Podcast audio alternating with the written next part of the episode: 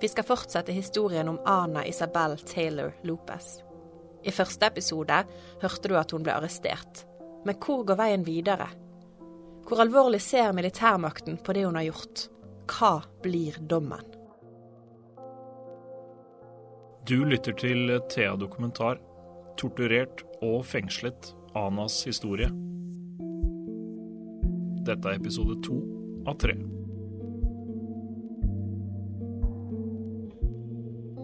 De lager en sånn slags eh, domfelling, da. Eller som militær uh, Det er tre personer som står der. En er en major som er uh, Det var sånn dommer. Og så får de en, en, en, dom, da. Hva var dommen din, da? Ja, Det var assistencia a la asociación subversiva. De har, og de brukte militærloven. Militær, de bruker ikke sivilloven, det var militærloven. Assosiasjon subversiva, det er en organisasjon Subversiv organisasjon. Det er det verste, da. Hvis jeg hadde vært i den militærdelen og sånn. Og assistencia, det var at jeg var assistent i assistencia. Du var en assistent i den organisasjonen? I den organisasjonen. Det er litt vanskelig for meg å forklare. Ja, det går bra. Ja. Men hva ble dommen, da? Nei, det blir den assistencia a la asociación subversiva er mellom Jeg tror det var tre til ti år, eller noe sånt. Ja, jeg fikk Jeg, jeg var i tre, og, tre år, sju måneder og 25 dager i fengsel. Etterpå, etter den der domavgjørelsen og sånn, da var vi kunne sitte, vi fikk pakke med klær og sånn. Da visste det. Dette var i juli. Fra april til juli. Vi hadde ingenting. Gikk du med det samme? Eller, eller var det april, mai, juni kanskje. Samme klær. Samme. Etter at dommen har falt, tar det ikke lang tid før Ana blir flyttet fra militærleiren hun først ble holdt fange i. I juli, kanskje det var Da var det sånn at vi skulle pakke alt, og så inn i militærbiler. Du vet ingenting hvor du er, hva skal du gjøre, ingenting. Alle inn i militærbiler med alle de små ting vi hadde. Og så og helt over hodet, og de kjørte, de kjørte, de kjørte. de kjørte. Mange timer. Da kommer vi til, til slutt til et sted, og det var en annen militær leir som heter i 33, en annen fylke. Det er som å gå her til ja, Lillehammer omtrent. Og, på, og da, da, kommer vi til en militær leir. Da var det ordentlig fengsel. vi kom, og da vi tok uh, hete fra hodet. Da så vi folk som var i uniform. En sånn grå uniform og sånn. Andre damer. Da var det andre fengselfugler som, som var dømt fra før og sånn. Det var fengsel. Men åssen var det å komme til fengsel? Eller? Det var mye bedre. Der kunne vi gå. Men vi hadde bare halvtime, tre kvarter til, til fri å gå ut. De tok oss i en gruppe ut til en sånn patio. En sånn uh, utested hvor vi kunne gå rundt og sånn. Og sånn, ja, det ser du akkurat som du ser en film i fengsel. Akkurat sånn. altså det var bedre i fengsel? Ja, og vi kunne lage håndarbeid og sånn. Jeg stryker en genser og brodert. Så da var det liksom litt å gjøre? Sånne ting som du gjør i fengsel. da var det slutt på torturen, da? Mm. Den hetten, da? Den hadde du heller ikke mer, da? Nei, nei, ikke, ikke hetten, nei. Men selv om forholdet er langt bedre i fengsel, er det fortsatt viktig for vaktene å vise hvem som er sjefene. De tok av og til midt på natta personer til å avhøre. Til, til avhør. Og så det var litt sånn Det var mest for å kontrollere og mer sånn hva gjør dere der inne, og hva snakker de om? og Nei, vi snakket, og vi ser på familieblad eller sånn. Vi fikk blader, og, og vi kunne ha en hver 14. dag besøk. Å ja, så da visste familien din hvor du var Ja, endelig? ja, ja. Da var vi dømt. Da, da var det greit. Da var det greit. Ja. Ja. Når Ana får besøk i fengselet, sitter hun og besøker på hver sin side av et bord. Det er ikke lov til å klemme, og det er strenge regler for hvor mange som får komme inn samtidig. Hvis vi kommer med min mamma, eksempel, et kvarter Mamma kunne komme med en søster, for eksempel, så den andre kvarteret var med pappaen min. Det var på turn, da. Å ja, de kunne ikke gå inn samtidig Nei. alle sammen? Nei. Og så hørte de alt vi sa og sånn. I fengselet får eh, fangene ulike jobber. Ana ble satt til å lage murstein av typen eh, lekablokker. Så jeg har lagd, jeg har lært å lage blokker. Sånne mursteiner og, og, og blanding med sement og den type sand og den andre type sand. Og, vi, og så jeg blir sendt jeg, var, jeg er veldig sterk i kroppen den tiden. Jeg blir sendt til å hente 50 kilos sement på noen eh, Hva heter det? Postlager. Du måtte bære 50 kilo? Alene. Jeg kjenner ikke hvordan jeg klarte det. Ana blander sement og sand og fyller former for å lage blokkene. Så du putter og så eh, banker på med spaden, og så banker tre ganger sånn. Og så fyller mer, og så, fordi de må være hardt komprimert. Og så går du med denne blokken og velter det som en form som kakeform. Og så du åpner den, det var sånn, og så blokken er der. Og så tørker det. Men det der blokken, når den er våt og tung, kanskje det er to kilo. Og så mange ganger, ikke sant. Var det det du gjorde i alle årene i fengsel? Ikke alle år. En del av av det var å gå og lage det. Blokker. En annen jobb hun har, er å lage mat til soldatene og vaktene. Det var, eh, var vi ti, ti damer som lagde mat. Du, vet du hva? Å skrelle poteter, sekk med poteter, kanskje tre sekker poteter. Eh, hva heter det? Søtpoteter. Og de svære Vi kunne ikke Det var Det er morsomt. De passa på oss. For det var sånn eh, komfyrer som bare lager, Og kjempestore eh, gryter. Den, vi kunne ikke gå og røre. Det var en annen soldat som kom opp på den der uh, komfyret og rørte med svære Men dere fikk ikke lov å røre Nei, vi kunne ikke bli, Kanskje vi blir brent. Ikke sant? Oh, ja. Vi, vi kunne ikke brenne oss, da. Nei. Det var bra. ja, det høres ut som de Vi- passet litt på, i hvert fall. Ja, de passa litt på oss. Av og til så får damene mulighet til å lage noe ekstra godt til seg sjøl. Det var litt moro, for der på kjøkken vi kunne lage f.eks. sånn smørbrød med ost. For en andel av kjøkken var uh, offiserenes kjøkken. De som lager mat til offiserene. Noen soldater kom med ost. Fra den andre kjøkkenet har vi lagd sånn to toast. Oi, så godt ikke sant, for oss som var Det var sånn fest. Eller vi fikk mer sånn Når du er på kjøkkenet, vi fikk mer sånn syltetøy og sånn. Ja. Det var en litt sånn fest. Det var bra. Men hva fikk dere å spise til vanlig, da, hvis dere ikke var på kjøkkenet? Det var sånn moro, for det var en som, av oss som var Hva heter det Ikke lever, men det som var Jeg husker ikke hva det heter nå. Vi måtte eh, smake på maten først. Den som var eh, en, en person som var leder for den gruppa, da. Selv om hun ikke var leder, da. Om det var meg i dag eller i morgen var det en annen. Så vi, vi måtte eh, spise litt av maten først. Og så venter vi, og så kommer det en annen soldat fra troppene som spiste. Og så var sikkerhetssjefen for hele eh, området som var og, og spiste. Og, for å sjekke at det var eh, ikke giftig og sånn. Men hvordan var det for deg å sitte i fengsel? Altså sånn altså, Fant du deg i å bare være der, eller tenkte du liksom at du måtte komme deg ut, eller hvordan, hvordan Nei, vi det? ventet. Det var bare å vente og vente og vente. Fordi de sa vi, vi, vi blir dømt i den første domstolen, da. Og så vi gikk til andre instans etterpå. Men vi visste ikke hvor lenge, for det, det, den første dommen som du får, det er mellom Hva var det? Mellom tre og ti år? Vi visste ikke. Nei, for du visste ikke om du fikk tre år eller ti Nei. år? Nei.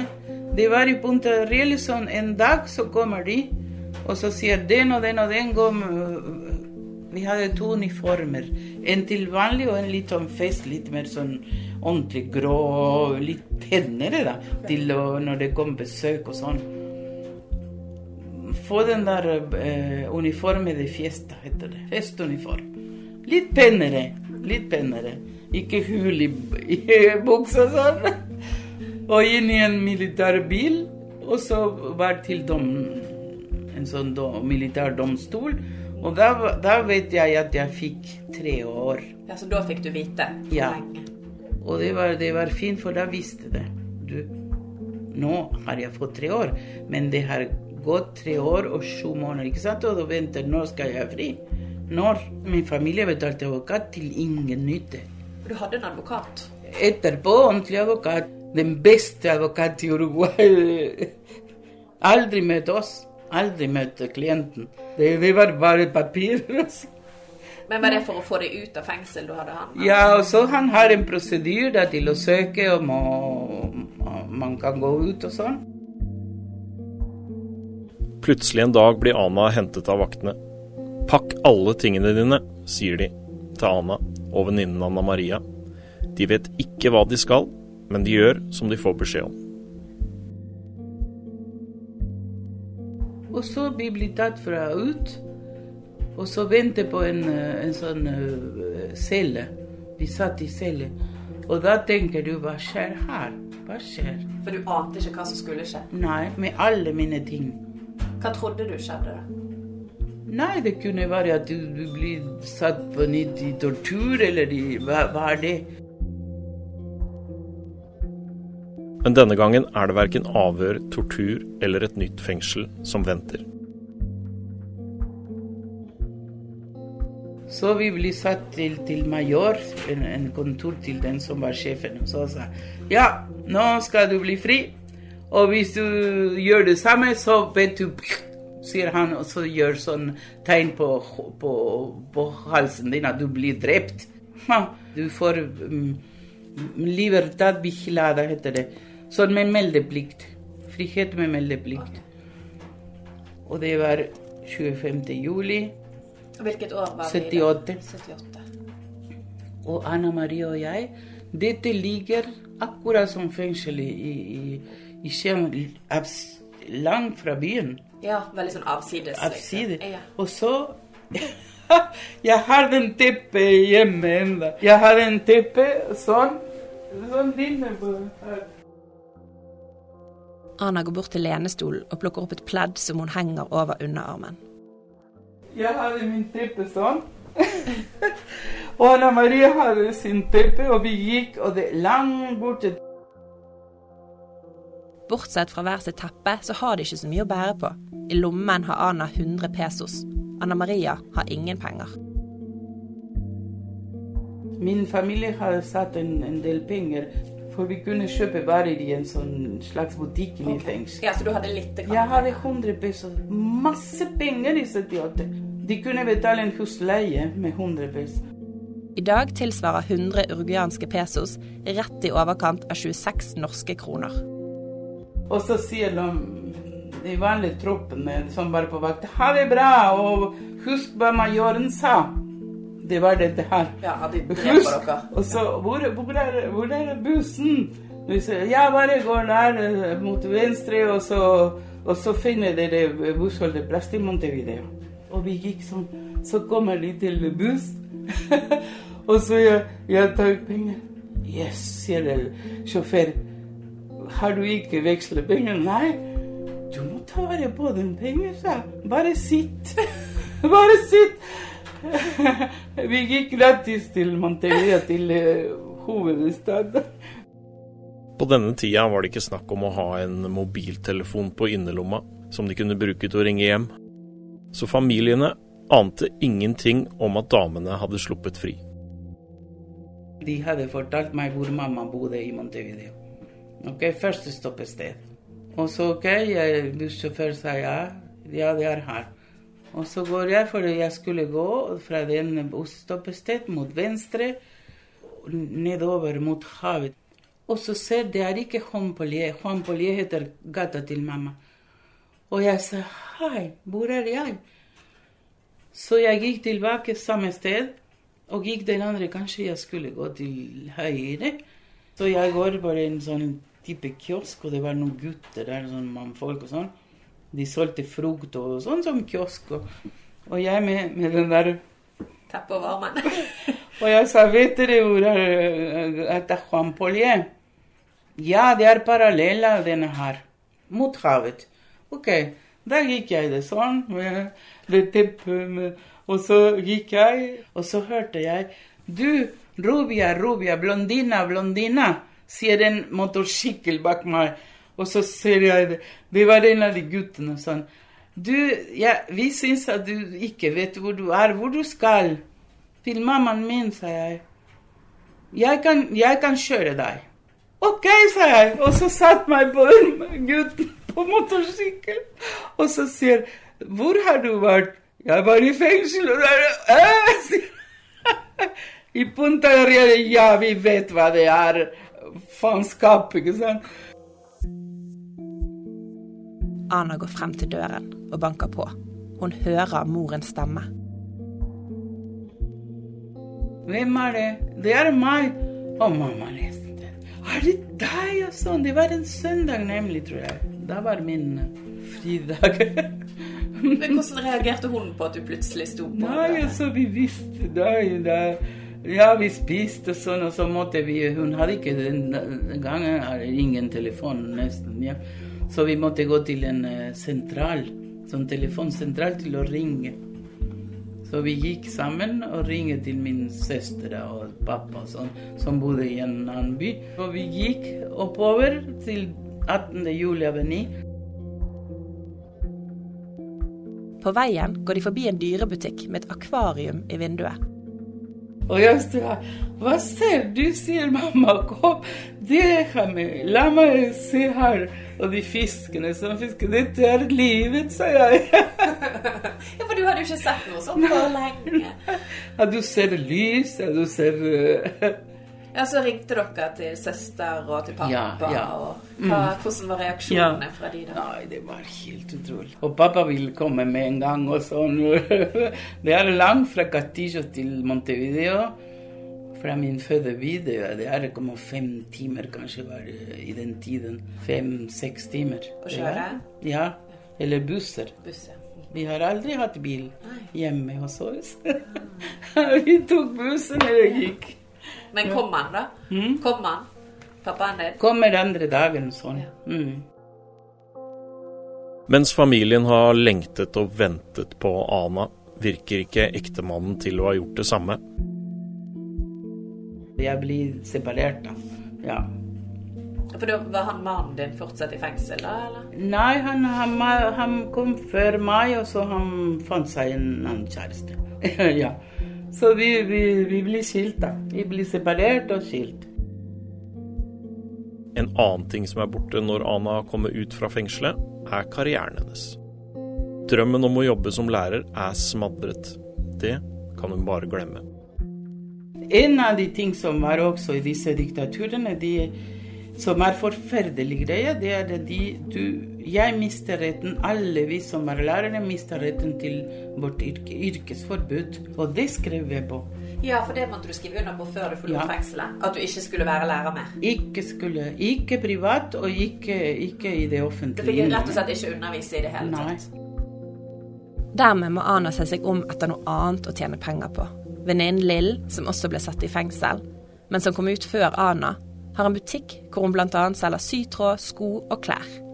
Ana får jobb hos venninnen, og merker fort at mange av de som kommer innom, også har opplevd militærdiktaturet tett på kroppen. Det var en sånn senter, den butikken der, til å prate om det som skjedde og sånn. Det var det. Så folk kom innom der for å liksom Ja da.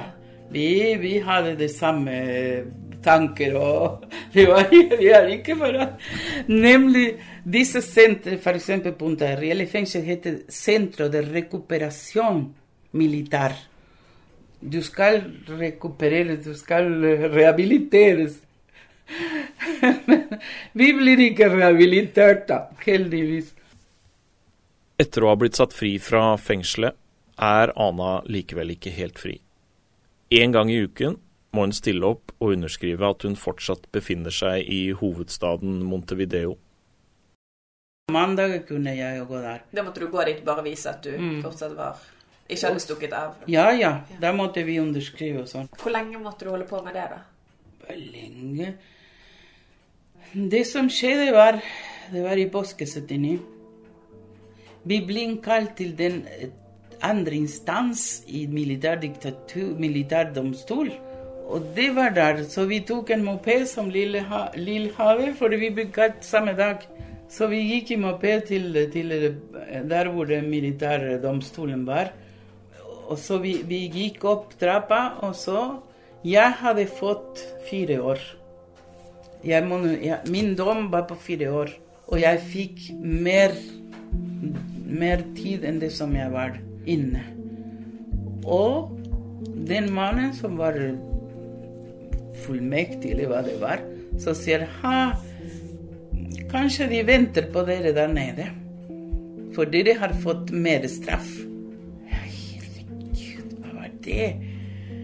Og Lill, for Lill var katastrofalt, for det var mye mer eh, straff enn det som en annen paragraf. De forandrer paragraf for Lill. Og så vi tok mopeden. Det var ingen som venta oss der, da. Så vi tok mopedene og vi gikk, vi gikk rundt og rundt, og vi gikk, turte ikke å gå hjem. Så vi ringte til pappaen min, og til, pappa ringte min, min Det var telefonkiosker i den tiden. den tiden. ringte til, til pappa, til Lill. Pappaen min ringte til Lill. Og så sier hvor vi sk- Lill skulle ikke hjem i det hele tatt. Det var sånn at vi visste det, at kanskje de ventet på henne. Så hun gikk til en annen adresse og ventet der. Og så eh, derfra Lill eh, planlegger et eh, sånn flukt til Brasil. For vi vet at i Brasil var det FNs kommissær for flyttinger. Ja, så da kunne hun liksom, der kunne hun Ja. være trygg. Ja. Så vi visste det. Så Lill, fra det stedet hvor det er, en sånn nabo, greit nabo, Mariquita, hun fikk eh, komme seg ut av Uruguay. Hvorfor ble ikke du med, da? Nei, for meg var det ikke så, så ille, da, kan du si. Så jeg gikk til mammaen min, og, og, men da hadde jeg ikke noe, noe jobb. Så jeg begynte å jobbe i en keramikkfabrikk og sånn. Ukene og månedene går. Men det kommer aldri verken politi eller grønnkledde og henter Ana tilbake til fengselet. Men så, en dag, skjer det noe som skal komme til å skremme henne. Det var i september. Så kom jeg en, en av de mandager og sa alle vi skulle gå mot en vegg. Mot veggen stå der alle som skulle underskrive du Ja, når du var inne for å melde deg? Ja, alle mot en vegg. Merkelig greie. Og så kom på et, et, et annet sted kontor, ikke den vanlige som vi gikk for å skrive under da vi var der. Et annet kontor, og da var militærene som hadde bord og stoler og sånn. Og, øh, og så de tok en og en digital um, uh, Fingeravtrykk? fingeravtrykk på nytt. De tok bilder på nytt. Uh, ingen vet hvorfor det. Men når jeg går og For det var helt svart. Når jeg går og tørker meg og sånn med sånn bensin eller sånn white sprit eller noe sånt Det var en sergeant, sergeant så de sier Du har en orden. Du kommer til å, til å bli innkalt til Han sa steder. Sarandi i Oshi. Det er, det er to gater i Uruguay. Og hva- er det? Det er hovedkvarter for politi. Du har en, en, en orden en, en orden til å gå der. Det vet jeg, sa han. Så hva, hva, hva, hva betyr det? Mm, sa han, du vet hva du skal gjøre. Jeg, jeg, det var en advarsel. Noe skulle skje med meg. Så går jeg hjem, skremt. Kom politi. Ikke politi, kom de og spurte om Lill og Lill og Lill og Lill, hvor Lill er og sånn. Og jeg kunne ikke, jeg fikk husarrest. Og da, da står vi. Og, og de gikk, de var vakta litt, og så etterpå du ikke, vi, vi, gir, eh, vi, vi gir deg orden når du kan komme ut på nytt. Og da vet vi at enten de skulle arrestere meg på nytt, eller hva det var. Det var en sånn at jeg skulle møtes i, i det der ho- hoved, Hovedkvarteret. hovedkvarter for politi, som var forferdelig berømt. Og så ventet jeg, og så kom det en dag så de Nei, den, du kan gå ut. Men det var sånn Og da, da skjønte vi at vi, sier jeg for familien min, vet at de leter etter Lill. De har spurt mange ganger etter Lill, så vi planlegger en flukt. Vi bestemte Mannen min skal gå sammen med meg. Mens Ana sitter i husarrest, forstår hun og familien hva de må gjøre. Hun kan ikke bare sitte og vente på å bli sendt i fengsel igjen. Ana pakker det aller nødvendigste i kofferten og forbereder seg på å forlate hjemlandet. Hun vet ikke akkurat hva som venter, eller hvor hun ender opp. Men at hun må ut av Montevideo og Uruguay, det er sikkert. Mammaen til Ana pakker også litt. Hun skal følge datteren et lite stykke på den skjebnesvangre reisen. Det hele begynner med en smått komisk hendelse, som er et godt bilde på hvordan Ana er flink til å huske og sette pris på de små, artige episodene midt i alt alvoret.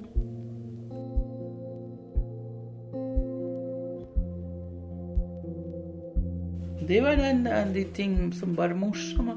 For den bussen til Katisha, altså til Tui, til, til, eh, til grensa mot Brasil, går klokka fire på natta. Og så går vi med som en, en liten bag og sånn, for vi kunne ikke ha mye ting. Kom en politi, det var en poncho, det var kaldt og sånn. Hva gjør to fine damer her? Og jeg sa herregud, mamma. Ja, ja, gjør som ingenting, sa hun. Kom. Ja, ja, god dag, eh, betjent. Sier ja, vi skal til El Chui. Til, til, å, til å kontrabandere. Til å kjøpe i grensen, vet du. Som grensehandel. El Chui, masse ting og billige ting, sier han. Ja, vi trenger billigere eh, ting og sånn, sier mamma. Og jeg var der og sa ingenting. Ja, jeg kan hjelpe dere. Ta. Han tok den der kofferten, lille kofferten og sånn, til oss til bussholdeplass. Ingen spør etter dokumentasjon, ingenting. Så det var moro etterpå. Han Jeg hadde vakt når jeg skulle flytte. Flykt, flukt. Flukt var Ja, det var sånn sånn Sånne ting som man ler etterpå.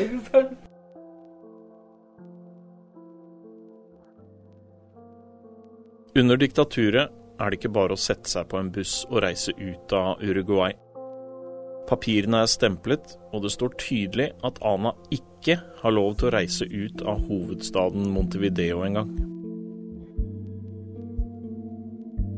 Det der eh, identitetskort som jeg hadde fra Uruguay, det står et merke som det betyr at du, du er proskript, proscripto, heter det. Du, er, du har vært i fengsel, det betyr at du ikke kan gå ut av Montevideo. Ja, så det var merket? Ja, det var merket. Folk var merket Ja, ja. det på det identitetskortet C, tror jeg det var, eller P, eller en sånn greie som vi vet. Den, den kan vi ikke Jeg kunne ikke gå ut av Montevideo i den tiden. Nei, nei. Det var bare i Montevideo å gå på jobb og, og der og, og underskrive man, man mandag. Så det, det var ikke lov. Men det, det, det gikk, vi visste det. Så jeg får en sånn fersk hva som heter Paula Montilles. En falsk, falsk greie.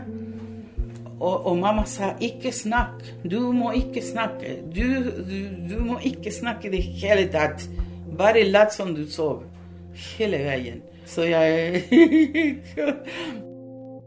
På bussturen så kommer det plutselig på en mann som Ana drar kjensel på. Pappa visste ikke den dagen vi skulle reise. Og så kom han på La Ciudad Rocha. Kom i bussen, det samme buss. Og han så meg. Og gjorde ingenting, og mamma sa 'du sover, du'. Nå sover du, sier mamma til meg. Men hvorfor var han på bussen? Han hadde møte, han har Ja, Han skulle ikke flykte? han, nei, nei, nei. nei, det var helt tilfeldig. Det kom akkurat på den bussen, for han hadde hatt møte dagen før. Og så han skulle reise tilbake til Gatillos. Så vi kunne ikke, for mamma holdt meg sånn. vi tok ikke farvel, ingenting til med pappaen min. du har sagt at han kom, la handa på hodet ditt og sa 'jenta mi'. Og så bare gikk han videre og Ja. satte seg et, et, på et annet sete. Ja. Stemmen du hører, er ektemannen til Anas. Hans Ødegård heter han. Vi skal prate mer med ham seinere. Og så kommer vi til El Chui. Det var en familie som skulle ta oss. Dette er ruter da, som folk vet, som vi vet på forhånd. Det er disse Vi ville eh, smugle selv, da, men vi visste at det huset kunne vi gå. At det var trygt der, liksom? Trygt, Ja. sant? Mm. Og så vi, vi går over I Uruguay er en gata. Det er en aveny som er på den Avenida Brasil, heter det. På den siden er Uruguay, på den siden er eh, Brasil. Og så mm, det var en annen person som gikk og kjøpte billetter. På den andre siden, på Brasil sin side, og så kom med billetter, og så måtte vi gå. Og så går jeg og bare meg og mamma. Når jeg går, der er det en militær bil. Og det var en som hadde sånn lange støvler som, som fra kavaleri. Ana blir brått redd. Hun er så nære nå. Kan de komme til å ta henne? Sette henne i fengsel igjen? Må hun igjen igjennom tortur og avhør?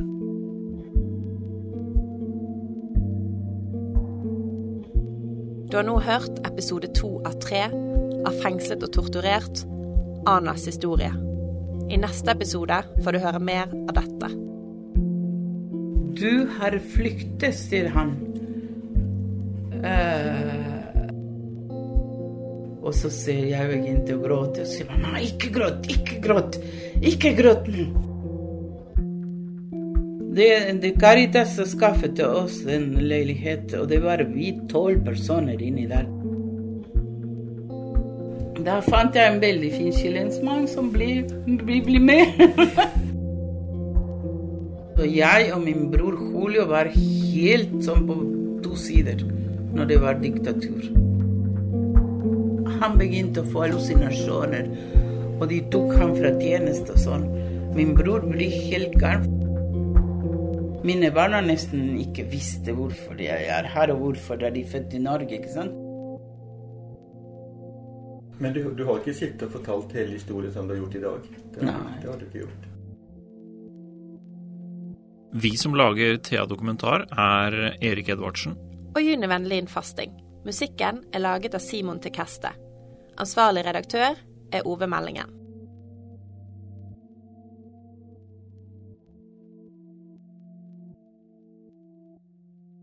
Har du et enkeltpersonforetak eller en liten bedrift? Da er du sikkert lei av å høre meg snakke om hvor enkelt det er med kvitteringer og bilag i fiken, så vi eh, gir oss her, vi. Fordi vi liker enkelt. Fiken superenkelt regnskap.